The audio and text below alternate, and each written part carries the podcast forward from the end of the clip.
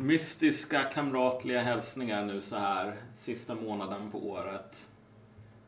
Happy Holidays som man säger om man är ateistisk julförstörare. Uh, eh, och här kommer en ny serie avsnitt av Marcus och Malcolm som kommer att vara ganska speciella. Dels för att de har ett ganska kontroversiellt ämne som vi kommer att avslöja ganska snart. Sen också för att det här är första gången som vi har en gäst med i programmet. Precis. Eh, och det kommer ju vara lite blandat format kan man ju säga. Eh, att det kommer vara dels intervjuer med våran gäst och sen så kommer det varvas med att du och jag har någon slags ska man ha, så här som i tv typ, så, här, så kallade politiska experter liksom ska gå igenom vad människor i en debatt eller i ett klipp eller någonting har sagt. Ja, precis. Jag tror inte det kommer att bli så otroligt mycket så det här första avsnittet, utan då kommer vi mest att låta intervjun tala för sig själv. Mm. Men eh, det här är ju menat att vara en serie och i skrivande stund så är det väl egentligen tre avsnitt som, som det kommer att bestå av. Ja. Två med intervjuer och sen ett som det är du och jag som mer diskuterar så här, vad vi just har gått igenom utifrån något sånt här fågelperspektiv rent politiskt. Och därefter kanske det också blir ett fjärde avsnitt som går in på våra uteslutningar på ett mer eh, djupgående plan kanske. Får vi se. Ja, vi får se. Det har vi ju talat om ganska lång tid och egentligen från början var det ju tänkt att vi skulle göra det ganska mycket tidigare innan vi hade ja. kommit på det här, den här serien. Men det... det blir ganska naturligt att glida in på det här kanske. För ja. att eh, det ämnet som vi kommer att prata om nu är ju revolutionära fronten. Och det är ju ett ämne som vi har förknippats med. Eh, trots att vi inte har, vi har ju verkligen inte varit medlemmar eller, eller gjort något sånt utan det är ju så här att eh, jag råkade ju ha en like på revolutionära fronten eh, när det rasade maktstrider inom Vänsterpartiet och då ville man ju göra en grej av det och då hette det ju att man blev utesluten för man gillar RF fast egentligen handlar om något annat. Ja, precis. Och vi kommer väl komma in lite grann på varför det är så otroligt hycklande just från Vänsterpartiet, alltså rent. Men, eh, men precis, du och jag var ju aldrig några sådana som var medlemmar eller hade någon sån här insyn eller var liksom världens jävla buddy-buddy så. Mm. Um, och det säger jag inte liksom för att vi ska nu så här i efterhand försöka rentvå oss själva och du vet undvika den här liksom skamvrån utan liksom fuck that mitt, mitt brott här i kontextet var ju att när jag blev intervjuad, någon hade väl eh, fått höra att det drev och så ringer man till Malcolm ungefär. Uh, och så blev jag intervjuad och så sa jag så här att ja, jag kommer inte riktigt ihåg exakt hur jag formulerade det, men kontentan var väl så här att ja, jag tycker att det finns massor med problem med RF och så vidare. Men om man ser till sådana här saker som den här misshandeln i Uppsala, som UNT skrev ganska mycket om. Och de sa ju liksom, anklagade polisen för att stödja nazisterna och liksom inte bry sig om när nazister misshandlar. Så mm, mm. En liberal tidning sa dessa saker, inte jag.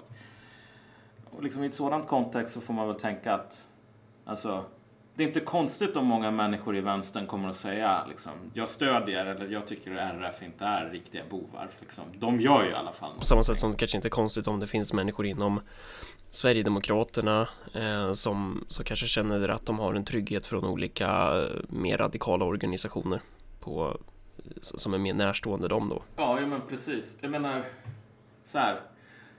Det är ju en väldigt bra poäng. Jag har inte riktigt satt i dem, det kontextet förut, men om vi tänker oss att, att RF och AFA och alla de här, den här monstervänstern som egentligen aldrig riktigt existerade så som folk föreställer sig. Men om den återuppstod från de döda och började gå efter så här SD, liksom folk i SD, kommunpolitiker och liknande. Uh, jag tror inte det är så himla många inom SD som tycker så jävla bra om Soldiers of Odin. Men det här är någonting som kanske skulle få en del att ändra på sig om typ Soldiers of Odin var de enda som stod på deras sida. Liksom. Ja, det är klart. Det, det här avsnittet kommer ju skilja sig från allt annat som vi har läst eller hört gällande revolutionära fronten i, i etablerad eh, media. Vi vill inte ha den här sortens cirkusperspektiv på de här grejerna utan vi ska försöka ha avsnitt som mer behandlar Revolutionära fronten som ett politiskt fenomen. Eh, så att det kommer varken sig vara en, en hyllning till Revolutionära fronten om att det här skulle vara det, typ det bästa som hänt liksom. Eh, eller att, att det skulle vara det absolut hemskaste och värsta som, som har hänt. Ja men exakt. Det här är någonting som jag har sett ganska mycket när det gäller så här. Jag har sett folk snacka om dig på det sättet att liksom, ja men den här Marcus, den här stenkastande slyngen, älskar våld, bla bla, så här. Var kommer den ifrån liksom? Jag, jag kan ju inte ens kasta en sten längre än vad fan är det? Tre meter kanske. Jag, jag, säga, jag är ju helt värdelös på sånt. Jag har ju aldrig gjort något sånt liksom. Mm. Men, men, men just, kolla, det här blir en sorts, en annan sorts positionering ungefär. Så att normalt sett så får du den här frågan, ja men stödjer du våld? Typ, är du för våld? Och sen så blir det här, får två sekunder på dig att svara och ska det vara ja, jag älskar våld för jag är Voldemort. Jag fick ju inte ens den frågan. Jag fick ju av SVT fick jag ju så här. Det var ju inte så här stödjer du våld utan frågan var stödjer du extremvåld? Ja, det är ju, det är ju en ännu mer rolig fråga egentligen. Man bara säger nej, jag, jag, gillar bara vanligt våld alltså. Ja. Men, men, men det är så här, okej. Okay. Du, du kan antingen vara för eller så kan du vara emot ja. våld. Och så kan du vara för eller emot hemskt våld. Och det bara...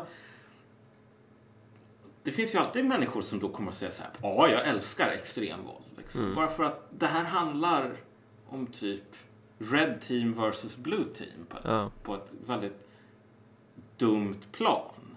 Så att folk som säger, ja men jag är för RF kan ju inte förklara varför, eller varför det är bra, eller varför man ska vara för det. Men folk som säger så här, jag är emot det, det det här, de, liksom, Marcus kastar sten, kan ju inte heller egentligen förklara vad det här handlar om. Och jag menar, det här borde ju inte vara rocket science, men RF var ju en organisation som inte finns längre. Men som verkade under en viss specifik tid, under vissa specifika liksom, politiska förutsättningar. Och när de förändrades så var det ganska tydligt att organisationen liksom inte mäktade med det. Mm.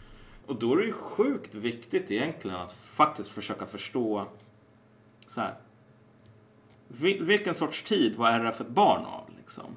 Ja, verkligen. Det är helt oberoende om du är så här ledarskribent på DN så är det en diskussion som inte är typ så här, det finns människor som är för extremvåld och sen finns det människor som, som är emot det. Liksom. Och sen, sen ska ju också sägas att då kanske vi har en naiv illusion om, om media och ledarskribenter men deras funktion är ju är ju just att hamra på den här idiotiska positioneringen att man inte ska kunna ska kunna diskutera saker politiskt utan man ska verkligen vara så här jag är emot våld. Mm. och, det, och, det, är ens analys typ. Men, men jo men precis. Alltså det är inget fel med att vara emot våld. Uh, det, det, är en väldigt en väldigt vad ska ja. man säga? Jag tycker att det, det om man ska vara om man får välja mellan två för eller emot så är väl då, då röstar du på emot Ja, ja, det skulle jag nog faktiskt. Nu, nu, du vet, man vill ju inte säga det för då är man inte true typ. Men Nej. jag menar alltså, de flesta människor tycker inte om våld så här. Och jag är väl inte så här unik där. Nej, det är ju samma uh, sak så här, är man för dåligt eller bra väder? Ja men exakt liksom. Jo, det är inget fel med regn så här. Och regn har skitmånga funktioner som om, vi, om det inte regnade så skulle vi alla dö. Liksom. Vi skulle svälta ihjäl på grund av torka, missväxt och så vidare. Men det är ju inte det som folk säger när de säger att jag föredrar solsken framför regn. Innan vi bara grottar ner oss i någon så här konstiga metaforer som vi, som vi tappar bort oss själva i. Så ja. det, poängen är väl ungefär att jag tror att oavsett var någonstans du står politiskt så liksom lever vi i en tid där de här sortens slitningar, ja. politiska slitningar som gick att se liksom, i, i RF och liksom, den, den, den breda antifascistiska vänsterns uppgång och fall lite grann. Eh, de är relevanta, även om du är så här superhöger. Och liksom får förstå det här. Mm. För att man måste kunna förstå sig den tiden som man lever i för att faktiskt kunna navigera och liksom ändra på den också. Precis. Så det är väl därför som vi faktiskt har det här avsnittet, eller den här serien avsnitt. Ska man säga någonting om eh, vår kära gäst innan man kickar igång intervjun eller? Uh, ja, han är väl till och med med i ÖP, detta Sveriges hemskaste missnöjesparti nu om ja. jag inte kommer ihåg helt fel. Precis. Och det kommer vi också komma in på hur, hur fan nu det hände. Ja, för det, det är ju väldigt intressant. Eh, verkligen alltså. Vad, ja. vad händer där liksom? För att även om många kanske vill att Örebropartiet och Revolutionära fronten ska vara i princip samma sak oavsett om det är liksom eh, personen som då skulle hata att det vore så eller personen som skulle älska att det vore så så är det ju tyvärr inte så liksom. Nej. Tyvärr, ska jag inte säga. Så är det ju faktiskt inte så. Eh, och ja, Nej, jag vet inte fan, vi ska inte gråta ner oss i det där för, för länge. Vi, vi kommer ju återkomma till den, till den grejen och också då prata om ja, kanske lite andra frågor om hur man bygger en ny, ny politisk kraft. Ja, men precis. Jo, så innan vi kickar igång de här intervjuerna så kan vi väl avsluta med att säga så här att den som tänker att det här kommer att vara någon jävla hagiografi eller någon liksom eh, takedown. Kommer, båda de kommer att bli besvikna. Ja, de, men, de, de kan sluta lyssna nu liksom.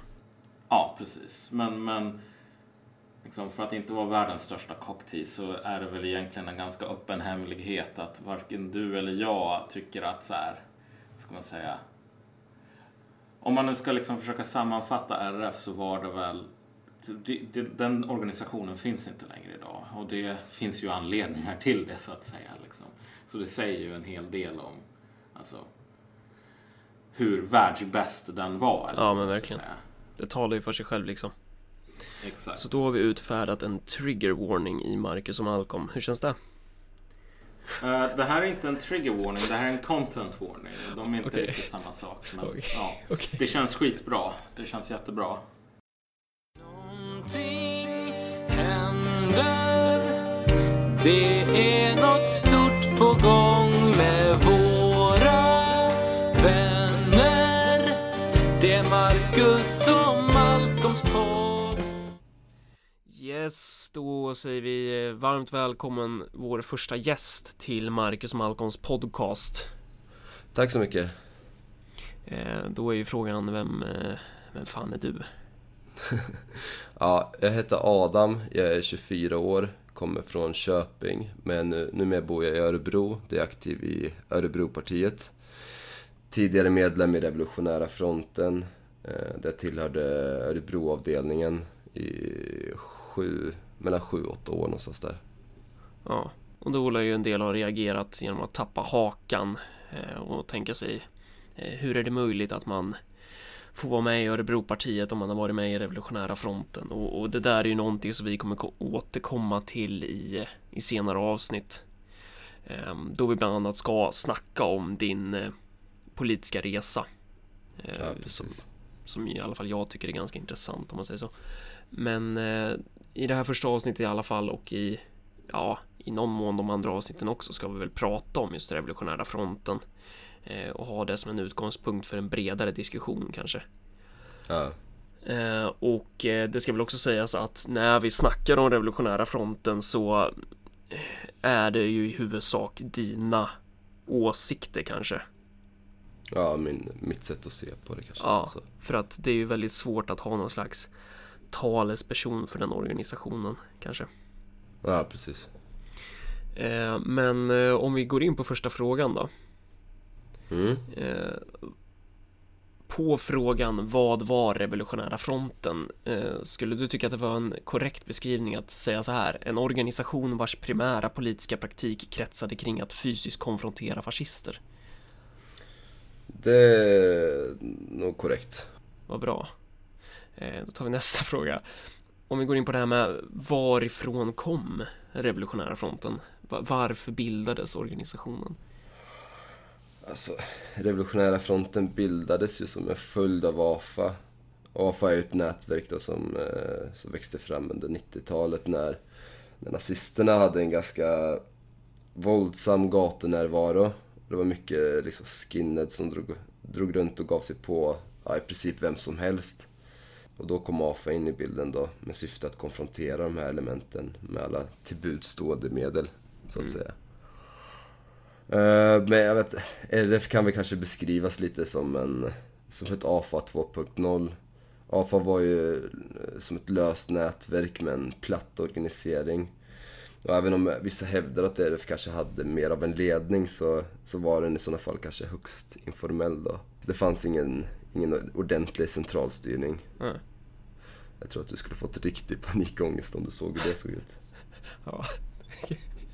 det, det är lite av mitt intryck. Ja, men sen, jag vet inte, RF, RF sysslade med andra frågor också. Det var inte bara, bara antifascism man höll på. Man, bland annat så drev man ju typ kampanjer mot bemanningsföretag och bostadsbrist och så. Vilken typ av medlemskrav hade man för, för medlemskap i Revolutionära fronten? Man hade ganska, ganska höga krav på, på aktiviteter. Man ska, alltid, alltså man ska delta på alla RFs aktiviteter. Sen var det ja, ganska höga discipl alltså, disciplinära krav och, och, säkerheten var väl kanske det största kravet. Eh, om man ska säga så här, vad var organisationens politiska riktning och övergripande mål? Alltså det var ett frihetligt, socialistiskt samhälle så. Väldigt, väldigt blurrigt så. Eh, och den här liksom väpnade revolutionen var väl kanske, kanske ett mål på något sätt. Räckte det inte med en vanlig revolution utan det måste ha den här väpnad. tårta på tårta liksom?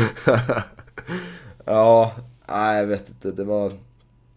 Eh, nej men det var jävligt blurrigt så. Att ja. det, du vet, och det, man, man diskuterar inte som att det här är någonting vi ska förbereda oss på riktigt.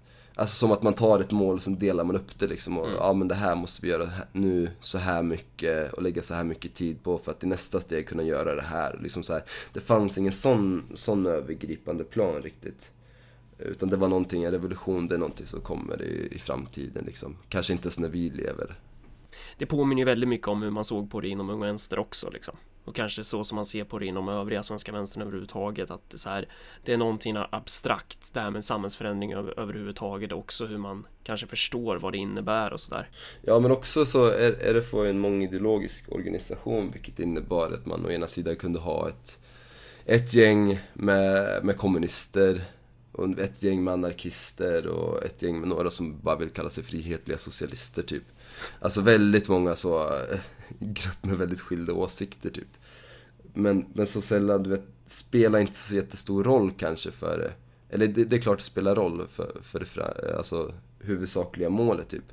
Men man kom ju aldrig dit, man kunde inte landa i det, man kunde inte liksom, det blev problem internt också att, att ha så liksom spretiga åsikter om hur saker och ting ska fungera och hur det ska bli och varför typ en sån diskussion om centralstyrning och sånt där då, var det någonting som då skulle kunna vara ett exempel på hur de här olika, alltså spretiga idéerna satte käppar i hjulet för organisationen? Ja, men verkligen. Det kommer jag ihåg, sådana diskussioner där, där typ jag skulle kunna tycka att det hade varit väldigt effektivt att ha fasta ledare eller liksom så. Men att det, det, det, det kunde man absolut inte ha liksom så här Ja men jag tycker att det, det är väl ett ganska bra exempel på när det kunde, när det kunde krocka liksom så. Men det också, du vet, det, det betyder ju ingenting, alltså de här ideologierna om du inte liksom det betyder ju ingenting när ditt jobb är att konfrontera nazister typ. Det blir så, du vet, inåtriktat och liksom så här, mm. du vet ja men då ska ingen få bestämma över mig för att jag är fri eller liksom så här, du vet, nej. Att det var nästan som, som en identitet då snarare än en kanske politisk. Ja men verkligen. Det där känns ju överlag som en ganska, alltså ingen som skulle vara unikt för RF då i sådana fall utan det är väl någonting som också eh, stämmer väldigt bra in på övriga vänsterträsket det här med att bara, men jag är anarkist, eh, jag tycker så här och jag är kommunist, jag tycker så här och så frågar man, ja men vad är eran praktik? Och så har, har man ingen praktik. Man har, man har redan bestämt sig för liksom det, det, det, kanske säger någonting att man, man kan vara så säker på sin ideologiska riktning utan att ha en politisk praktik. Typ. Eh, ja, det här kanske blir en lite konstig fråga då eftersom målet var så jävla luddigt men så här hur såg praktiken ut för att uppnå eh, det, liksom, det övergripande målet? Alltså hur, hur hängde praktiken ändå ihop med den här blurriga idén om, om det klasslösa samhället eller vad det nu må vara? Mm. Det var ju, alltså... Genom att eh, rensa gator på, på nazister liksom, så, så skapar man förutsättningar, delvis för vänstern men för, eh, även för arbetarklassen att, eh, att kunna organisera upp ett sånt här samhälle. Då. Ja, för man såg då att eh, eller så, arbetarklassens organisering och, och vänsterns organisering var direkt hotade av de här grupperingarna som man angrep då eller? Ja, precis. Mm. Så, det, så det var som en slags delmål i att organisera någonting? Ja, precis. precis. Det, alltså praktiken var väl nästan enbart fysisk konfrontation eller vad, gjorde man någonting? Um... Nej, alltså eller, det var väl det mestadels kanske, men man hade ju även typ kampanjer mot bostadsbrist och Just det, bemanningsföretag. Det ja, men jag vet inte, jag, å andra sidan, vad fan skulle RF göra åt den saken liksom? Jag ja. tror inte det riktigt var RFs roll att gå in och försöka förändra det, utan det blev bara någonting, någonting man gjorde för att hålla igång verksamheten typ. Som ett exempel om, om, det, om det tar slut på nazistiska grupperingar i stad så mm. kunde man typ legitimera sitt existensberättigande Genom att hålla på med sådana andra saker som ja, men, bostadskampanjer och bo, eh, bemanningsföretag och jobbcoacher och allt vad det var. Alltså, och det, om man jämför med AFA, eller min erfarenhet av AFA, att de har typ lagt ner sin verksamhet, när nassarna är slut liksom, då lägger man ner sin, sin verksamhet och kanske går in i någon annan organisation och jobbar politiskt där. Medan man i det här fallet kunde ha kvar en avdelning som inte liksom eh, eh, ja, den behövde inte konfrontera Nassar lokalt typ, utan det kunde ju sköta det här lokalt och sen syssla med antifascism mer nationellt så. Mm. Det var alltså då att en annan antifascistisk gruppering skulle då kanske ha en tydligare definierad idé om sitt mål. Att det här är målet mm. med verksamheten, när det målet är uppnått, uppnått då är ju, då är verksamheten överflödig. Ja, precis. Det, var, det primära området var liksom våld och sen, sen fick någon annan fixa resten då. Ja. Ja, och sen, jag vet inte, man gick väl med i så här, du vet, om SAC hade blockader eller sånt där så kunde man ju gå med och hjälpa dem, typ så liksom. Men det var inte, något, det var inte primärt liksom. Innan vi går in på hur man såg på vänstern, alltså hur, hur såg man på fascister? Alltså hur, hur förstod man de grupperingar och individer man gjorde livet jävligt surt för? Alltså man förstod det nog som, som att nazister och fascister är eh, ett symptom om man ser kapitalismen som en sjukdom. Och sen skulle jag nog mena att förståelse för de här grupperingarna man bekämpade varierar nog på ganska stor skala beroende på vilken, man, vilken medlem man frågade. Det fanns liksom ingen beslutad enhetlig analys internt om vad som gällde. Vilket jag skulle säga är ett problem. Men okej, okay, så, så det här med sjukdom och symptom. Eh, mm. att, att, det var liksom att det, det, är väl det här snacket om att man Eh, ja, man kan bekämpa symptomen men sjukdomen kommer vara kvar, det som ger upphov till symptomen, det vill säga. Ja, de är en produkt av kapitalismen. Det känns som en väldigt, väldigt, väldigt basic nivå typ. Att, att förklara det så. Jag tror inte det behövdes för kanske inte så mycket mer. Vadå, det, det var ju våldet det handlade om. Det handlade ju om att konfrontera dem. Okay. Skulle, skulle man liksom klarat sig i organisationen på en en analys som hade varit att bara så här, ja men vi spöar nazister för nazister är onda. Det hade man nog. Det, jag vet inte, det känns som att jag har hört det där så många gånger. Ja. Eh, alltså, ja men, nej, men det hade man säkert om man liksom, om man bara var en akt, en aktiv medlem som liksom så följde reglerna och betedde sig som vanligt folk så hade man nog kunnat klara sig på den analysen. Hur såg man egentligen på samtidens eh, så kallade nazister och fascister kontra historiska exempel på det? Alltså, förstod man dessa som samma sorts entitet eller såg man några avgörande skillnader i dessa organisationers karaktär? Alltså, gjorde man analysen att vad ska man ta, Nordiska motståndsrörelsen eller Nordiska ungdom eller Sverigedemokraterna eller någon annan gruppering var samma sak som Francos fascister eller Hitlers nationalsocialister? Ja, man förstod nog att det inte var samma saker så, men att de ändå bär ett arv av, av samma gamla idéer. Mm. Men sen kanske, kanske man inte analyserade alla organisationer på samma sätt. Alltså, alltså alla bar inte samma idéer. Eh, Nordisk ungdom bär ju inte på eh, nationalsocialistiska idéer, till exempel. Det, det, det fanns aldrig en djupare diskussion om det här med till exempel, ja men nazisterna de, de tog ändå avstamp i några slags klassintressen som fanns i sin samtid som de lyckades kanalisera. De hade ändå en, en någon slags idé om deras idealmedborgare som den här småbrukande tyska bonden liksom. Kontra typ att Nordiska motståndsrörelsen eller Nordiska ungdomar, alltså vad är deras jävla idealmänniska liksom? Att, att det här kanske är att det i själva verket rör sig om vitt skilda politiska fenomen typ? Ja, jag har ingen minne av att man liksom, att man hade, att man diskuterade sådana saker på det sättet. Eh, det är nog möjligt att, att några eller någon hade den analysen men, men ja, jag kan inte komma ihåg att man har, man har diskuterat, alltså att man diskuterade sådana saker. Och kanske säger någonting också om organisationen. Jag uppfattade det som att det, det var väldigt lite studier i, i RF faktiskt. Alltså speciellt om man ska jämföra med hur det är nu i Örebropartiet. Där jag, där jag känner att jag får väldigt mycket utav studier och att man, man lär sig mycket mer av det. Mm. Så, eh, så, så, ja, fan, så det fanns liksom ingen i det fanns ingen djupare studieverksamhet i att förstå de fenomen man fysiskt angrep. Nej, inte, inte som jag har varit med på i alla fall. Eller som jag känner till. Eh, gjorde, man, eh, gjorde man någon slags skillnad på eh, knegare med rasistiska åsikter kontra så här, organiserade fascister? Ja, alltså, det är väl klart att man gjorde den skillnaden eftersom att det var det var ju de organiserade fascisterna och nazisterna vi var ute efter. Eh, precis som man gjorde en skillnad mellan eh, alltså toppskiktet i, i, ja, i leden jämfört med, med svansen. Okay. Ur taktiskt plan så. Ja.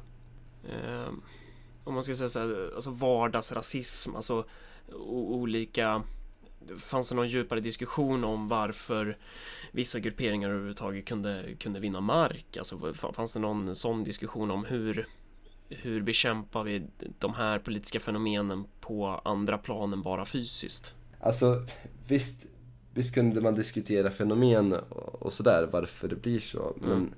alltså, vi var ju en, eh, vi var en militant organisation. Det var liksom det här fysiska och liksom, det var vårt uppdrag mm. liksom.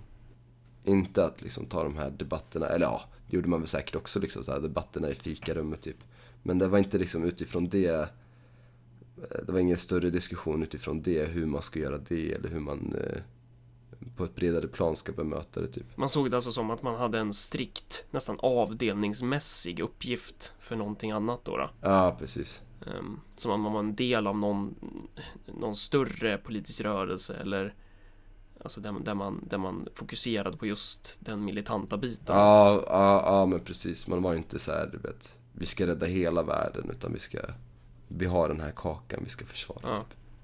Och sen får några andra sköta, sköta den andra biten då. Ja, precis. Gjorde man skillnad på fascister och fascister eller vad man nu ska kalla dem? Alltså sen, det finns ju massa olika organisationer som, som jag kan tänka mig räknades dit. Eh, alltså Nordiska motståndsrörelsen, Nordisk ungdom, Svenskarnas parti, Sverigedemokraterna, Fria nationalister, Nationaldemokraterna och så vidare och så vidare. Alltså var det någon Fanns det någon skillnad i praktiken när det gällde att bekämpa de här organisationerna? Nej, nej det gjorde det väl kanske inte. Nej. Alltså, det var ju fysisk konfrontation som var... Eller liksom det här att eh, typ delta i demonstrationer, störa deras, eh, störa deras arrangemang typ. Det var alltid fokus så. Man hade ett verktyg bara. Men sen eh, typ en brytpunkt var när SD kom in i riksdagen. Då, då kom jag ihåg att vi hade den diskussionen. Vad gör vi nu liksom? Och vad, vad kan det innebära att attackera en riksdagspolitiker och vad kan det ge oss för repressalier? Så liksom, och då, då slutade man att eh, attackera Sverigedemokraterna. Då gav man upp Sverigedemokraterna, det var inte så att man utvecklade någon, någon så diskussion om man kanske borde formulera något politiskt alternativ här? Mm, nej, nej, nej. Alltså det blev väl kanske att man liksom hoppade på den på nätet eller liksom så här. Mm. Jo, man, man gav upp, så, man gav upp det... SD för att det skulle ge repressalier då alltså? Att attackera? Ja, att använda fysiska, ja precis. Okej, okay, men, men i övrigt så, så hanterade man typ alla de här grupperna på ungefär samma sätt då? Mm. Och om det fanns liksom en prioritering över vilken grupp man skulle ta först och sådär, hur, hur gjorde man den prioriteringen? Ja, det är nog väldigt svårt att säga eftersom mm. att det beror på hur situationen ser ut lokalt. Men alltså, vad, om, om vi säger så här då, vad var den organisationens fysiska kapacitet en övervägande faktor kontra dess uttalade mål?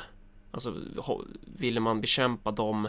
Alltså, hur gjorde man? Nej, så här, det var nog mer, mer vad de hade för fysisk, eh, alltså vad de hade för våldskapital, typ. Hur farliga de var för samhället eller för arbetarklassen. Mm, mm. Eh, så fick man prioritera. Alltså är det en liten skitgrupp typ. Eh, ja, jag vet inte vad man ska ta för exempel. Och då gjorde man bedömningen att de, alla de här små sekterna liksom var Ja, eh, farligare för arbetarklassen än, än då ett parti som lyckas ta sig in i riksdagen och, och massa såna, massa såna här grejer då. Att det var liksom att, ja eller så här. De, ja, de var ju farligare. Alltså, för våran kamp var den ju farlig. Okej, mm. Den, vår, våran kamp är ju liksom en liten spelplan och sen när man kommer in i riksdagen så, så har de rört sig utanför våran spelplan. så då kanske det inte handlar så mycket om arbetarklassen utan det handlar primärt om, om er då, då. Ja, det kanske det gjorde fast man kanske inte såg det så själv. Hur såg man på vänstern? Alltså hur hängde praktiken ihop med övriga vänstern? Var, var man en del av vänstern eller var man inte det? På något sätt var ju typ vänstern de som skulle fylla det här politiska. Det var ju de som man ju banade vägen för, liksom man rensade ju gatan för att någonting annat skulle växa fram.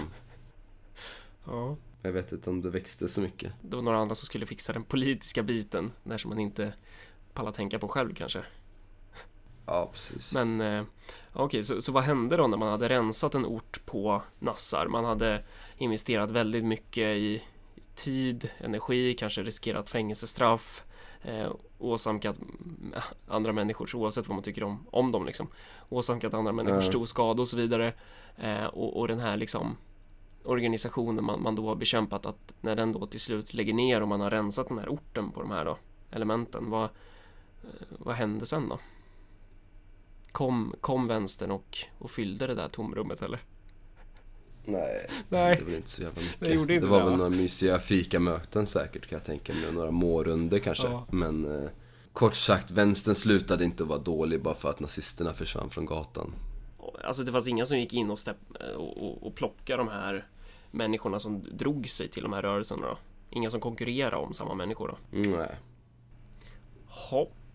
Okej, men, men, men liksom vilka stod en nära? Vilka stod nära revolutionära? Vad, vad hade man för analys av vilka var en nära och vilka var inte där liksom? Inom vänstern så. Jag tror att de flesta ansåg att de autonoma grupperingarna stod närmare än vad till exempel Vänsterpartiet eller Socialdemokraterna gjorde. Men det, det har väl att göra kanske att man, man såg sig som samma, alltså att man var en utomparlamentarisk rörelse. Men den analysen var nog inte av en eh, politisk karaktär i första hand. Jag tror att det var någon slags subkulturell plan, att man var liksom delar av samma autonoma sörja liksom. Eh, alltså såg man ett värde i att försvara vänsterns övriga organisationer och, och i sådana fall varför såg man ett sådant värde? Ja, eftersom att det var ju de här människorna som skulle, som skulle bygga det här andra liksom. Bygga det här politiska. Och sen oavsett om det, hand, om det rörde sig om partier eller autonoma så var de ju ändå kamrater på något luddigt sätt liksom. Mm. Det var också personer som identifierade sig som socialister, Ja, men lite, ja men precis. hade hammaren och skäran ovanför sängen. Hade, Ja, men precis.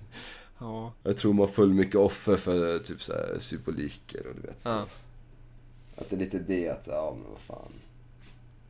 De, är, de säger att de är kommunister så då, då ska vi väl åt samma håll typ. Mm. Eller de säger att de är socialister typ. Men alltså vad, vad hade, om man tänker så här då Vad hade revolutionära fronten varit i relation till eh, dels de här olika så kallade fascistiska grupperingarna eh, men också i relation till övriga vänstern Alltså jag, jag får ju typ så här eh, lite intrycket av att organisationen inte skulle varit någonting utan fascisterna och utan övriga vänstern Nej men det skulle den absolut inte vara. Hur skulle den vara det? Den är ju byggd på att nazister finns. Ja, alltså att det var liksom en reaktiv Ja men den bygger ju på att nazister finns och vänstern känner ett behov av skydd. Och har du varken nazister eller en, eller en vänster som känner att den behöver skydd, vad, vad ska du göra då liksom? Ja. Då kan man dela ut flygblad om bostadsbristen. Nej men, nej, för att svara rakt på frågan så det hade nog inte funnits något existensberättigande då.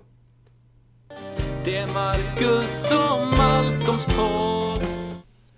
Ja men sen var det ju inte bara autonoma som vi hade kopplingar till på det sättet. Det var ju flera gånger som till exempel vi skyddade Vänsterpartiets eller Socialdemokraternas arrangemang också. Okej. Ni, ni gick dit då på egen hand eller vad? Ja, alltså det, det hände väl det också att de hade arrangemang som man gick dit till och liksom typ automatiskt blev beskyddade av. Men sen var det också så att de hörde av sig och liksom bjöd in oss typ. Var, var det enskilda medlemmar eller var det politiker? Det var både och alltså. Det var ju bland annat en socialdemokratisk politiker som hörde av sig till mig. Där han kände sig hotad av nazister och ville typ att jag skulle komma hem till honom och typ bo hos honom och försvara honom därifrån. Eh, Men det var ingen jag hade haft kontakt med tidigare eller kände till eller så. Så jag antar då att han har snackat med folk inom Socialdemokraterna som känner till mig. Ja, det där är ju väldigt intressant. Eh, Hade ni någon eh, liksom mer kontakt med, med riksdagspartierna? Alltså egentligen kan man ju säga att Vänsterpartiets och Socialdemokraternas politiker har hjälpt till att betala våra böter. Eftersom att flera av dem dök upp på de fester där vi, som, alltså som vi, och köpte öl som vi sålde för att kunna betala de böterna som man fick när man höll på med vårt arbete. Vad, vad var det för sorts fester? Alltså, det var ju... Delvis var det ju fester som rent av bara skulle dela, eh, betala våra böter. Men sen var det också, vi höll ju mycket så fester för, ja men typ med Irlands information och eh, alltså för irländska fångar och deras kamp där. Och. Så de också, det var de här 32, eh, vad heter de, 32 County Movement. 32 County Sovereignty Movement alltså. Ja, ja precis. Det vill säga den, det, det som anses vara den politiska grenen av Real IRA. Ja, precis. En terrorstämplad organisation alltså. Ja. Ja, okej. Var- Men var, var det liksom fester som man kunde gå till utan att eh, utan att veta vad det handlade om? Alltså vad var festens ändamål så här? Var det öppet eller, eller kunde man så här missa att det var en stödfest till det här då? Uh, nej, alltså... Nej, jag tror inte att man kan eh, missa det. Alltså, låt oss säga att du kommer dit helt ovetande om vad det är för fest du ska till. Eh, så märker du nog ganska snart vad det är för människor som är där och vad själva festen handlar om. Det var ju en fest som hölls där på Kungsholmen. För mig, det är väl är inte Vänsterpartiets lokal som Jo. ligger där? Det är deras högkvarter. Alltså där, var, man- där hade vi också stödfester och där var det ganska öppet att RF var med och hade liksom bokbord och flagga och sånt där. Eh, och vi var ju där då för att, kanske delvis för att delta på själva stödfesten och hålla bokbord men kanske främst för att eh, vakta lokalen från nazister då. Eh, Och då Så var det också ett då var det stödfester till den politiska grenen av Real IRA också då? Ja, precis, precis. Som, det var väl någonting vi hade ett gemensamt intresse av då. Men också, jag har för mig att på den festen var det väl även folk som var, som var drivande i ditt uteslutningsärende, eller? Ja, jag har hört om det där om, om det där tidigare. Ja. Jag kan ju tycka att det blir liksom, alltså, din Facebook-like blir lite av en, en piss i rymden. Om man Mm. jämfört med det här liksom. Ja, men det, men det är ju som jag har sagt hela tiden liksom att, att här, min uteslutning handlar ju egentligen aldrig om just själva Facebook-liken utan det var ju bara deras här, första försök till svepskäl för att här, lösa den här interna maktstriden. Eh, och- sen då Ja. funkar ju inte det och då fick de ju komma på nya grejer som att typ så hitta på en massa skit och sånt där. Eh, Ja. Men, men det där kommer vi ju till i, i senare avsnitt. Ja, Ja, men alltså det kan ändå vara värt att påpeka det och liksom ja, kolla på drevet som de drog igång och liksom var inte de snäppet värre liksom? Och varför läste man inte om det här i tidningarna liksom? Ja, nej men ja, nej men alltså media skiter ju i det där. Alltså det är här, speciellt om det gäller partier eller politiker som står dem nära. Alltså så, sånt här är ju bara intressant om det tjänar deras egen agenda. Annars så skiter de i att skriva någonting om det. Det är bara om Ja. de har något att vinna på det som de skriver om det och det är, det är ju liksom inget nytt. Nej, det är det väl inte kanske, men det är väl också för att de är lite samma folk, eller de sitter i samma gäng liksom. Ja, jo, jo, jo. Ver- verkligen alltså. I, i, i, alltså i Vänsterpartiet i Örebro så hade du ju till och med eh, det finns ju två exempel på politiska sekreterare där som båda kom från mediasvängen. De hade ju jobbat, den ena hade ju jobbat inom SVT eh, och den andra hade ju jobbat inom ETC. Det är ju, det är ju liksom det är möjligt att de hade jobbat på fler ställen också men, men det är ju så här, det är tydligt att de det är ju i princip samma folk och de, de, de där sitter ju på, på en jävla massa kontaktnät och det är ju inte svårt att räkna med arslet hur de använder dem liksom. Nej, precis. Men, men eh, hur såg eh, Alltså hur såg kontakterna med media ut från RF? Mm.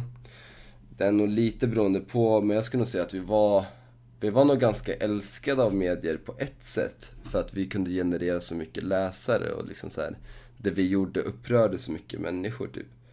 Eh, men alltså, ja, det, det fanns nog säkert journalister som, som sympatiserade med oss och och sådär. Men vi, du vet, vi såg nog inte... Vi hade ingenting att vinna på, på andra medier typ. De skulle alltid svartmåla oss, de skulle aldrig lyfta en objektiv bild. På många sätt skulle typ Säpo kunna lyfta en ännu mer objektiv bild än vad media skulle göra. Men det, jag tror det var, vi la väl ut kanske någon intervju med, jag tror det var P3 eller P4 och sen den här Vice-dokumentären då. Men annars så uh, försökte vi hålla oss borta från media. Eftersom att de inte var intresserade av att lyfta fram någon objektiv bild. Nej, de ville bara spinna någon egen berättelse typ. Ja, precis. Okej, så ni fick inte information från, från media eller, eller något sånt? Nej, inte vad jag känner till i alla fall. Eh, Okej. Hände det att ni fick information från, från politiker då? Ja, absolut. Det, det hände. Det hände? Ja, det hände. Från... Eh, Alltså från personer som det, ja men det är personer som det har gått ganska bra för om man säger så. alltså på riksdagsnivå? Ja, det fanns det nog definitivt. Så, så det fanns liksom en, en relation ändå mellan RF och, och de partier man ändå såg som fiender eller hur fan, hur fan funkar det liksom? Nej, alltså vi gillar ju inte de här människorna Nej. liksom. Några, vissa kanske röstar på dem i val och sådär men det är inte så att man man agerar, alltså man agerar ju på den information, info man får beroende på vem den är som gett den. Det är inte så att man kastar den i soptunnan bara för att det är en sociopolitiker som ger en info typ. Nej precis, utan Nej. man får ju man får utgå och liksom researcha på den infon då, hur väl den stämmer. Eh, Men sen tror jag nog att de personerna som gav infon var nog, de stödde nog mer RF än vad RF stödde dem kanske. Mm. Men alltså när när hela det här jävla drevet och hela den här uteslutningsprocessen började och RF var ju blev mycket i ropet och sådär. Alltså Mm. blev det någon skillnad i attityd och, och taktik gällande vilka man skulle försvara? Alltså var man fortfarande beredd att försvara de personer, eh, de- organisationer, de personer som, som eh, eh, så aktivt ville ta avstånd från RF?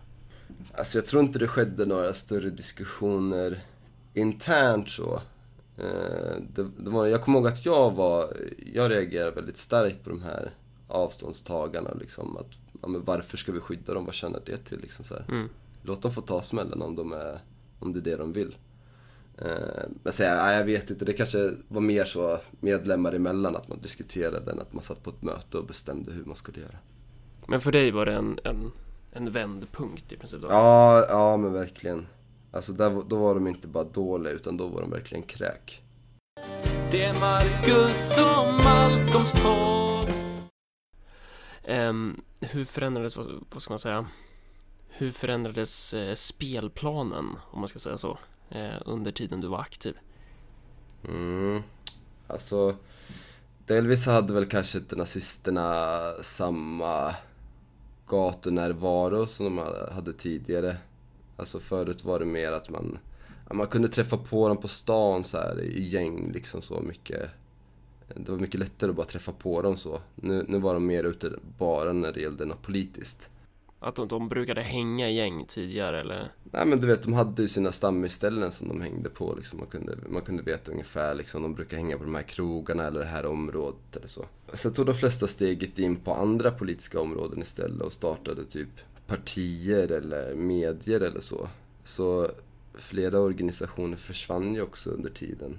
Och andra liksom, ja, då flyttades ju kanske medlemmar från, från tidiga organisationer. De som var ledande i de tidiga organisationer som lades ner fokuserade då på andra saker de uppgraderade sig och utvecklades. Alltså inte bara organisatoriskt utan både politiskt och ideologiskt också. Medan vi stod, vi stod kvar på samma plats.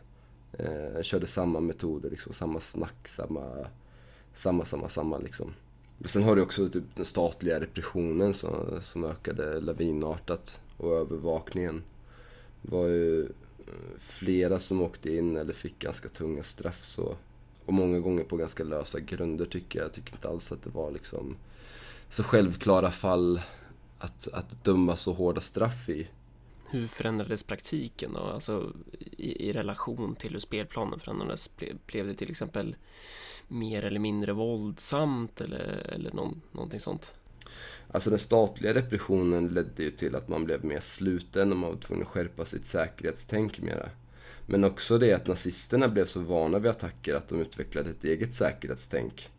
Och det blev svårare att, liksom, att hitta dem på stan och kunna attackera dem under sina aktiviteter. Delvis för att polisen var väldigt nära dem också, att vi, vi hade väldigt mycket span på oss. Och därför blev hembesöken nästan som en kompensation för, eh, för det här våldet som man inte längre kunde utföra. Vilket gjorde att våldet blev grövre och brottsrubriceringar blev ännu grövre. Och därmed blev repressionen också hårdare. Mm. Och samtidigt hade man den här liksom idén om att eh, på något sätt så kanske vi tjänar på att sälja in våra budskap mera. Alltså mm. typ det här med, med bostadsbrist och, och bemanningsföretag som vi varit inne på tidigare. Eh, samtidigt som en annan, liksom, en annan del ville dra att man skulle gå ännu grövre och liksom göra ännu. Du vet. Det, blev en, det blev som en, eh, inte splittring kanske inte var, men, men ändå en så här, det, det drar åt flera håll. Ja, det blir motsättning liksom att kunna ha ja. en, en öppen politisk praktik och kunna ha en dold eh, våldsam praktik helt enkelt. Ja, precis. Mm. Så det går inte att kombinera det liksom. Nej, det går inte att, att bruka våld ena dagen och sen stå och träffa människor. Mm. Andra. Då får man helt enkelt välja. Ja, precis. Eh, så vad fick det för effekter då det här med som du precis radade upp liksom? Ja, det var, det var väl då repressionen som jag var inne på. Och så var det upptrappningen då av våldet. Så ja, det flera kärnaktivister blev ju brända. Flera kärnaktivister åkte in. Och det var också så en... Eh, för då hade du, då hade du erfarenhet och du hade eh, ganska... Inte ledare, men, ja, men människor som ändå på något sätt kunde leda organisationen de satt inne och då, så kommer det några nya människor. Men då fanns det inte människor som hade samma erfarenhet och inte kunde lära upp dem utan att de också skulle brännas från dag ett. Men var det också en effekt liksom att medlemsantalet ökade? Ja, ja, den sista tiden i och med allt det här med... Ja, uppdrag granskning menar du? Uppdrag granskning, precis. Uh... Istället för att ni blev... alltså det, det, var typ den bästa reklamen ni kunde få alltså? Ja, det var det verkligen. Absolut. den, det kan man nästan tacka Jenny Josefsson faktiskt. Ja, det, det, kanske var en konspiration av PK-media helt enkelt för att fler skulle organisera sig i RF då. Det var det säkert. Ja men sen hade man den här punktmarkeringen eller liksom så här vardagliga trakasserierna typ.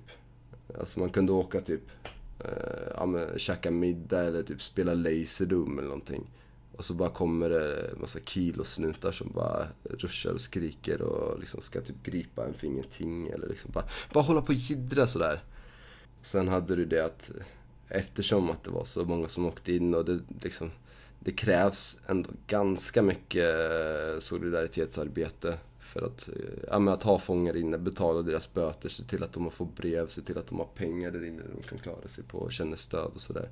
Så det, det, var väl också kanske en effekt att man eh, fick bli bättre, utveckla sig och jobba mer med, med fångkampen som kanske hade varit lite död under den tiden när det inte satt så många inne. För, för lite mer än ett år sedan då, det var väl i typ september eller oktober 2015 så bestämde man sig för att lägga ner Revolutionära fronten. Mm. Um, varför la man ner organisationen? Alltså, jag kan inte ge något fullkomligt svar, eh, tyvärr. Men eh, jag, så som jag tolkar det man har skrivit på Facebook och de diskussioner jag har haft med, med medlemmar i efterhand så tror jag man börjar inse att man saknade sitt eh, existensberättigande. Att man liksom spelade ut sin roll och att, att fortsätta i samma bana hade nog bara lett till att eh, fler, fler eh, kamrater hade fått åka in snarare än att vi hade kunnat krossa fler nassar. Du säger att du inte har någon koll på varför det lades ner eller att du inte har, liksom, kan svara på det fullt ut. Nej, um, precis. Men ändå så, du satt väl inne under den här tiden då man la ner organisationen ja. liksom? Ja, precis. Men du fick inte reda på någonting eller? Nej, alltså det var en snubbe som satt på våningen under mig då, på kåken som... Eh, ja men typ som ropade genom fönstret typ och bara ja men ja, var inte det här där du var med i och sådär liksom. Ja de har lagt ner nu. Ja, han var inte, han var inte med i någon... Nej, han hade ingenting. Alltså han var Nej. bara en vanlig fånge så liksom. Ja. Eh, som hade läst det typ på eh, text-tv. Sen läste jag det i Och då DN satt du ändå av ett fängelsestraff för, för RF liksom. Ja, precis, precis. Ja. Eh, nej men så jag läste det typ på DN liksom, då fattade jag att det, det liksom, det ligger någonting i det. Det han skrek var nog inte bara på så. Så organisationen lades liksom ner utan att Ja, utan att jag ens du vet, fick en chans att liksom säga, ja men vänta lite, låt mig, låt mig få vara med i diskussionen typ Ja. eller så. Eh, och jag menar, det var inte så här jättelång tid kvar innan jag skulle komma ut och kunna ha den diskussionen eller så. Jag förstår inte alls varför det var bråttom liksom. Visst, du vet, behöver inte lägga ner, var bara inaktiv om det så, om det är så viktigt. du var inte den enda liksom, medlemmen som satt. Nej, nej, nej, vi var ett gäng. Vi var ett gäng. Mm. Och, nej, men sen fick jag ett brev till slut. Där, där inte heller, jag fick inte heller riktigt någon förklaring till, till varför. Varför skulle det vara bra typ? Eh, utan det var mer typ, nej men det vi har lagt ner och, men det, det är av bra anledningar som vi gjort det typ. Så jag tror, nej, jag vet inte, jag är inte helt nöjd med sättet man la ner på även om jag kan acceptera att man har gjort det och idag kanske till och med tycker att det var en bra idé. Mm. Eh, så tycker jag ändå att liksom sättet man la ner det på, det var, jävligt, det var ett jävligt farligt sätt att lägga ner en ändå ganska farlig organisation. Om man säger så. Eh, det liksom, ja men folk har du vet investerat nästan hela sina liv i det. Och tagit eh, ganska tunga straff. Och sen bara försvinner allting. Mm. Det, det blir som upplagt för att liksom man ska typ bli, ja men fan vet jag, gå och bli kriminell typ eller missbrukare eller någonting. Alltså att den här eh, eh, glöden som man hade för kampen, att man bara lägger den på någon skit istället. Eh, Samtidigt så fanns det väl också en hotbild mot flera kärnaktivister.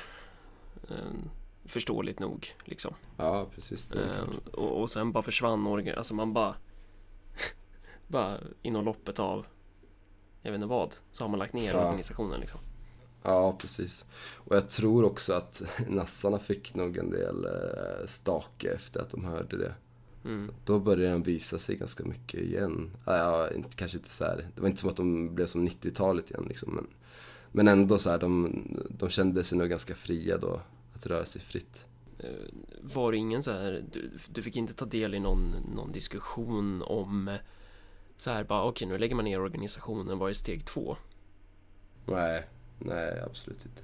Det var, den bara försvann liksom, det var aldrig någon diskussion om så här eh, formera nya politiska alternativ. Alltså, det, du vet, den diskussionen fanns säkert. Men jag fick inte chansen att ta del av den. Eller liksom eh, säga till vad jag tyckte om den. Du, för du hade, du hade oturen att sitta av ett långt fängelsestraff för organisationen liksom. Ja, precis. Jag hade oturen att inte vara en sån jävla träskidiot som bara sitter och inte gör någonting och sen har lika mycket bestämmanderätt som alla andra. Det, ja, det var... Nej men jag tycker så alltså. Jag, Ja. fan, jag är riktigt, riktigt arg på sånt där alltså. Det vissa människor som inte alls har investerat samma, samma liksom del av sitt liv, inte förlorat lika många chanser i livet på grund av att man lagt allting i den här jävla korgen liksom. Mm. Och så ska de komma och känna att nej men, åh nej nu, nu kanske jag också måste åka in, då lägger vi ner det här. Jag kan acceptera att folk inte vill åka in, men jag kan inte acceptera att man inte tar diskussion med de som faktiskt har gjort det. Det låter som att det överlag var, var en organisation som hade nått en ändpunkt där eh, medlemmarna var på otroligt många olika plan. Dels politiskt men också ideologiskt. Och kanske också det här då Mm. som du pratar om liksom i synen på vad man själv är beredd att investera i den politiska verksamheten och sådär. Ja, det, det... Så var det nog med all säkerhet. Ja, jävlar.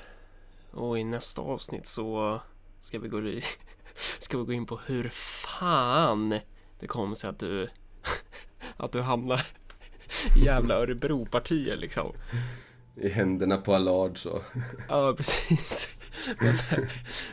För, för det är ju på så många sätt motsatsen till alltså RF på alla sätt skulle jag säga. Ja, jag hade nog eh, inte ens i min vildaste fantasi förstått att det skulle landa här. Hade, hade någon sagt så till mig att ja, men, du vet att om eh, tre år då kommer du hänga med vänster, eh, Ung Vänsters gamla ordförande. Då jag skrattat och sagt I, en, I ett helt nytt parti som inte har något med vänstern att göra. liksom. Ja, men precis. Så bara så här, Ja. ni, ni kommer också hålla på att ha diskussioner om hur man eh, hur, hur man kan använda sig av nationalism idag på ett annat sätt. Du, Ja, hade, du kanske hade nej. börjat rycka i fingrarna på det liksom. Ja, ja, det, verkligen alltså. Ja, det är rätt sjukt det också faktiskt. Det, det där kommer vi in på i nästa avsnitt då. Yes. Det är Marcus och Malcolms podd. Eh, och då, ja, då är vi väl tillbaka här eh, mot slutet på det här avsnittet. För att tala om egentligen, vi har bara tid att tala om en aspekt men den är ganska viktig att ha med. Och sen, det här avsnittet var ju ganska mycket tillbakablickande. Så här, Ja. liksom, vad hände? Vad är RF? Vad, vad gick fel? Liksom, hur Precis. lades det ner och så vidare.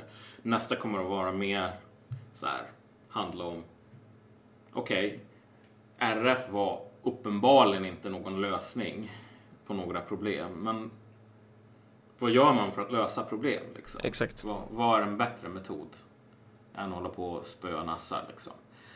Men innan dess så har vi en sak som är värt att ta upp just på grund av eh, bara vad för sorts funktion RF hade i relation till den etablerade vänstern. Adam gick ju in på det en del.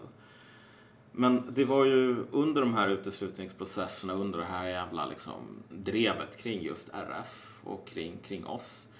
Så det roligaste var ju det här grundläggande hyckleriet som pågick hela tiden. Alltså, typ, att folk inom vänstern, och det här var ganska många på, på den tiden som liksom sa det öppet på Facebook, så här, att ja, men jag har haft problem med nazister eller jag känner någon som har det.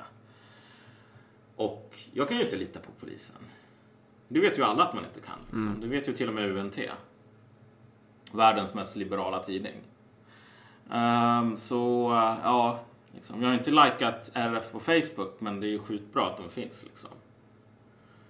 Om det är någon random i Ung Vänster som säger så är det väl kanske en sak. Men det här är ju att det roliga är ju att folk i kommunfullmäktige och liknande, så här riktiga betongsossar. Inte bara liksom. det utan ändå på riksdagsnivå har du ju Ja. har du personer som, som Adam var inne på som har ja, gjort både det ena och det andra liksom. Men exakt, om vi, om vi radade upp en lista här på människor inom den, den parlamentariska vänstern. Den anständiga vänstern. Exakt, som har inte bara sett mellan fingrarna på att RF har funnits, utan liksom gått på deras jävla fester och fraterniserat. Liksom. Ja, och inte bara då, ja, och, som vi var inne på där liksom. Vilken sorts fester var det också? Mm. Så, alltså, så här, stödfester till den politiska grenen av the real IRA liksom. Ja, jo men precis. Och liksom, det, det skulle vara en, en lista som innefattade människor som sitter i riksdagen idag. Verkligen. Och poängen är väl här att det är inte så konstigt att det är så. Ehm, jag har väl inte så himla mycket över för det här jävla hyckleriet men det är ganska enkelt att förklara varför de här kontakterna fanns. Därför att när folk säger så här, nej självklart, jag hatar RF, jag, jag är inte för våld. Jag menar, de har ju rätt att de inte är för våld, men det våldet som de absolut är mest bry- liksom brydda om, det är ju våldet som potentiellt i alla fall kan riktas mot dem själva. Och då är de beredda att ha vilka kompisar som helst ungefär. Det tråkiga är ju bara liksom den här totala principlösheten som fanns. Um, som jag upplevde när jag blev liksom utskälld av vänsterpartister i Uppsala till exempel. Liksom. Alltså att, så här, okej, det, det som vi sa Ja, var ju inte att så här, RF är skitbra, våld är jätteballt. Liksom. Nej. Våld är inte jätteballt. Men vad vi sa var ju att det inte är konstigt att folk vad ska man säga, är glada att RF finns om de upplever att RF kommer att ställa sig i vägen för någon som vill utöva våld mot dem själva. Så att liksom, vi, vi hade en situation, och vi har ju det fortfarande egentligen, där folk, folk har aldrig riktigt, de vill inte ha den diskussionen liksom. nej. Och det är inte så himla konstigt egentligen. Alltså, Det, det säger ju kanske i sin tur någonting om, för jag menar man, det är väldigt populärt nu att eh, skriva om någonting som de facto sker och det är ju att det råder någon slags kris inom polisen. Eh, Mm. Och det råder ju en kris inom hela svenska staten skulle jag säga. Men att eh, polisen får allt svårare att klara upp brott. De får allt svårare att hinna med och de tyngs allt mer av det faktum att det svenska samhället sakta men säkert är på väg mot eh, eh, mycket, mycket brantare backe om man säger så liksom. ja. Eh, och jag tycker att man bör se inte bara RF utan även kanske då Nordiska motståndsrörelsen eller någon annan organisation som absolut inte delar samma slags värderingar men som ändå för sig med en, en våldsam praktik. Att man får se det i relation till det. Och samma sak så Soldiers of Odin eller vad det nu kan vara. Att jag tror att eller kriminella gäng. Alltså det här är ju någonting som det kan ju inte finnas ett behov av det om det finns en, en polis som faktiskt skulle ta hand om de här personerna då, att den skulle liksom fungera enligt dess, så som Liberalernas idealtyp ser ut. Nej men exakt. Jag tror att det är det som gjorde det så, så otroligt svårt att uh, ha någon sorts balanserad diskussion om just RF när det här väl begav sig. Uh, inte nog med att alltså, det fanns väldigt liksom, starka självintressen från typ Vänsterpartiet till exempel att aldrig prata om hur man själv var delaktig i det här.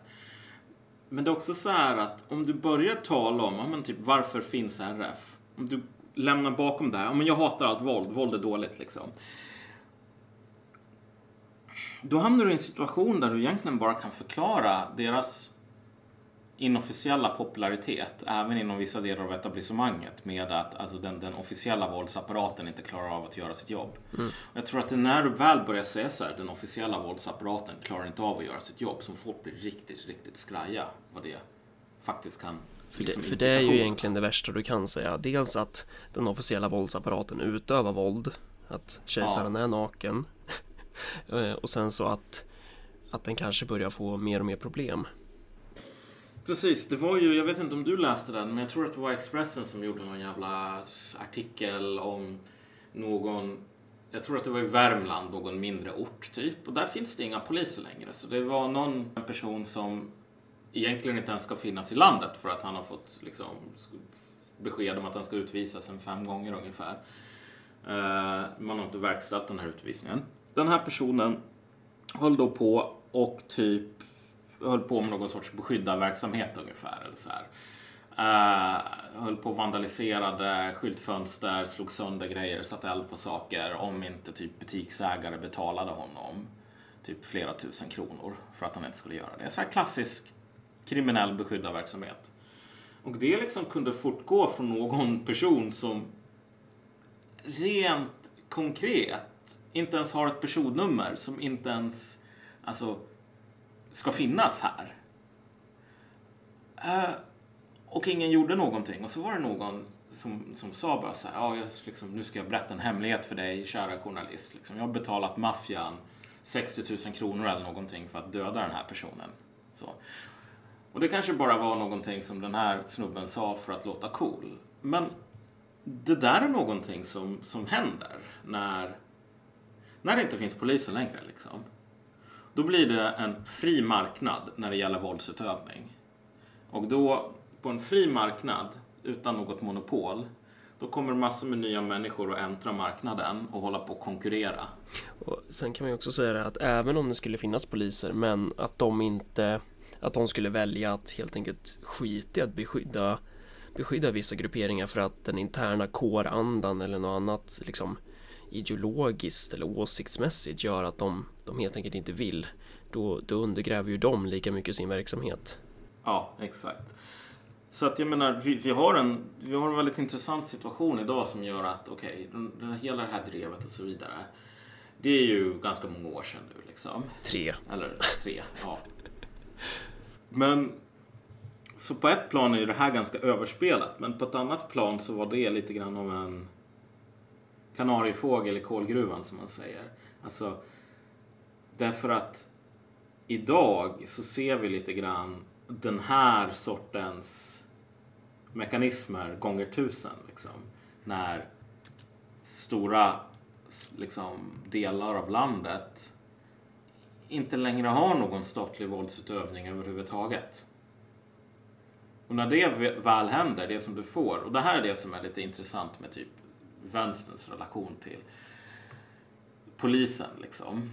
Att ja, man hatar snuten och du vet, man ska avskaffa snuten och så vidare. Ja, men, men, men när du avskaffar våldsmonopolet så får du en fri marknad för våld liksom.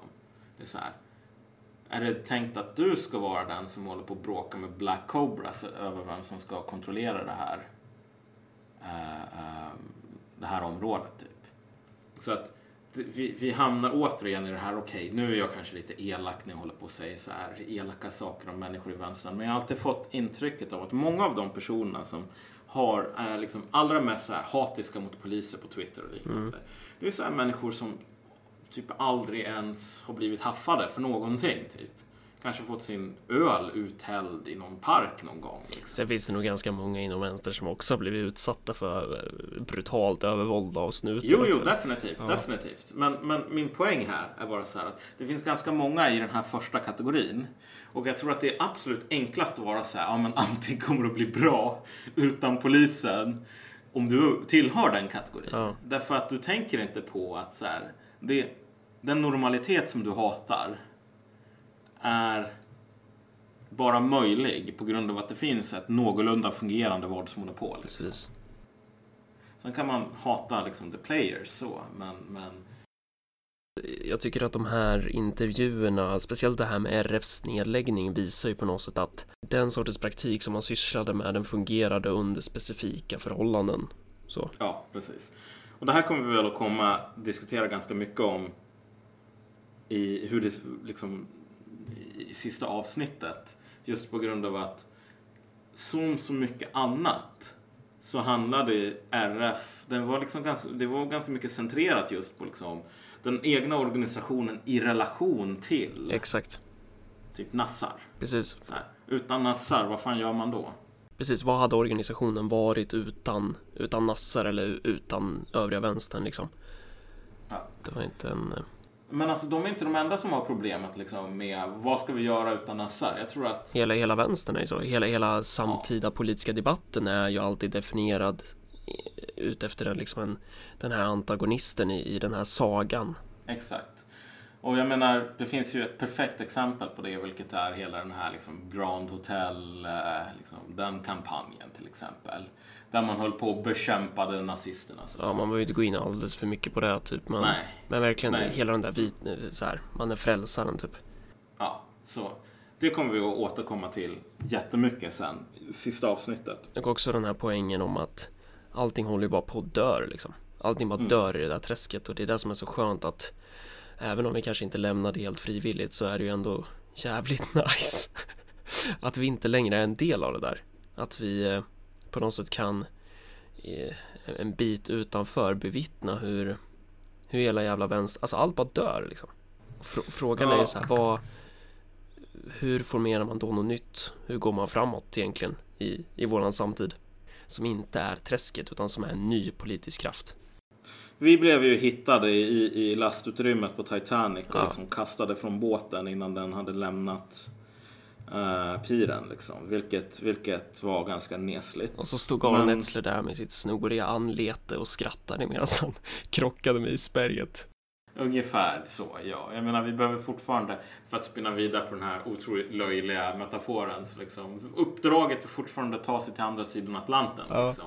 Men att, att inte få göra det som en del av besättningen på Titanic, det, det var väl kanske inte, det var det var en blessing in disguise som man säger. Ja.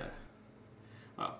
Som sagt, stay tuned för nästa avsnitt så kommer vi att fortsätta spinna vidare på, på det här ämnet ännu mer då. Man kan om man vill ge en gåva till Marcus Malcolm via Swish på 0790 1072 23 eller genom att signa upp sig på våran Patreon. Så kan man också jättegärna eh, gilla våran Facebook-sida och följa oss på Twitter och så vidare.